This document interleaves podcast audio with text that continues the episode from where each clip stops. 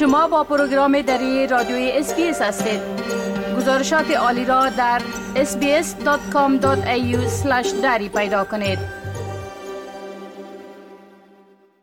شنونده های عزیز گرد همایی ها و راهپیمایی های در اعتراض به سلب حقوق زنان افغانستان توسط طالبان و محروم کردن آنها از حق تحصیل و کار در آخر هفته گذشته در کشورهای مختلف جهان به شمول چندین شهر استرالیا انجام شد.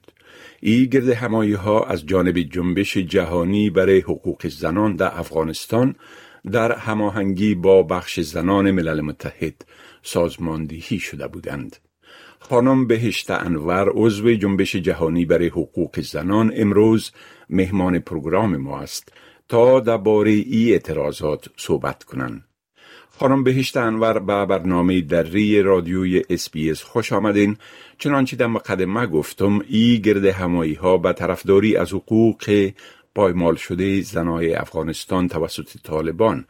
بر علاوه استرالیا در چندین کشور دیگه جهان هم راه اندازی شد. می‌تونین بگوین که در استرالیا در کدام شهرها تظاهرات صورت گرفتن؟ بله سلام شکیب جان.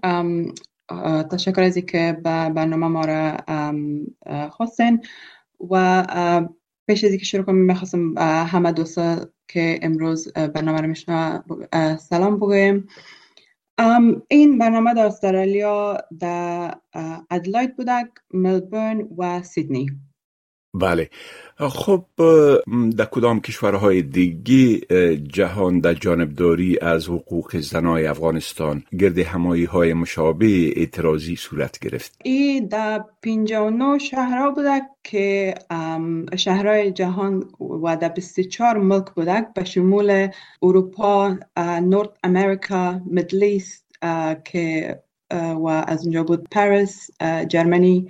پاکستان لبنان امریکا و در امریکا که بوده فراد جان هم اشتراک کرده بودن. بله. خب قطعنامه هم در پایان ای اعتراضات صادر شد. می‌تونین بگوین که قطعنامه شامل چی خواسته ها بود؟ بله. ما امی خلاصه قطعنامه رو برتان میگم. چون یک کمک دور دراز است. خلاصش امیسته که ما می‌خوایم وقتی که اینترنشنال کمیونیتی که طالبا گپ می‌زنن. باید است که حقوق زنا را در نقطه اول نظر بگیرن. مکتبا را باید سر و پنتون باشه و زنا را باید بانن که پس کار بره و آزادی زنا را در زیر نظر بگیرن. دیگه ای که بود که می‌خوایم وقتی که کمک های بشر دوستانه در افغانستان میشه باید است او متوجه باشه و مانیتر کنن که کسی که مستحق شسته به اونمو باقی خود برسن. یعنی این کمک ها باید به مردم برسه که به او نیازمند است و به دست مقامات طالبان نفته بله؟ بله بله. نمایندگی سیاسی طالبان که در دوها است باید از او بند شوم ما از جهان درخواست می‌کنیم که طالبان را به رسمیت نشناسند.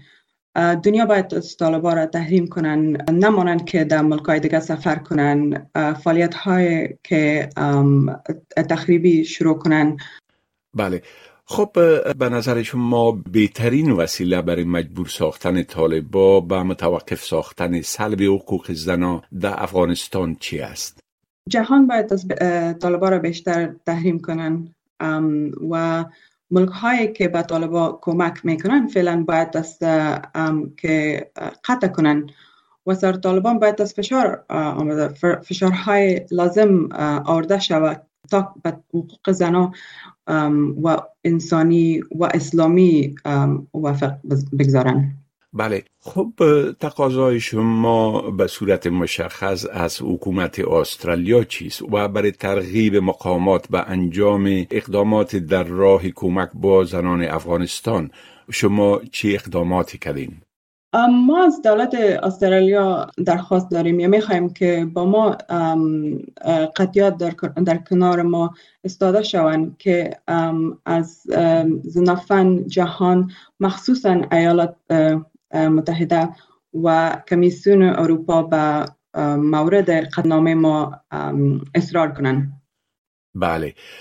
خب چی پلان های در آینده برای بلند بردن آگاهی در مورد ای مخمسه زنای افغانستان و طلب کمک به مبارزه آنها برای دسترسی مجدد به حقوق انسانی اونا دارین خب ما بخیر بعد از می protest ا کلش حالا شده بخیر یک میتینگ می‌گیریم.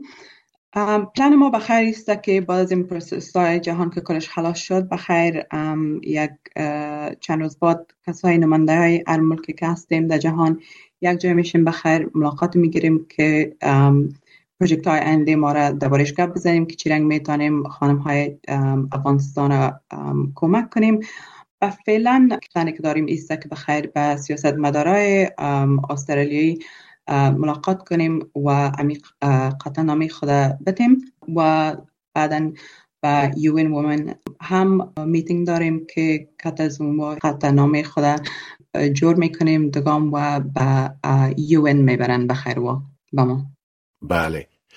خب خانم بهشتنور از شما تشکر می‌کنم که دعوت مرا برای مصاحبه پذیرفتین و برایتان موفقیت می‌خوایم. تشکر شکیب جان.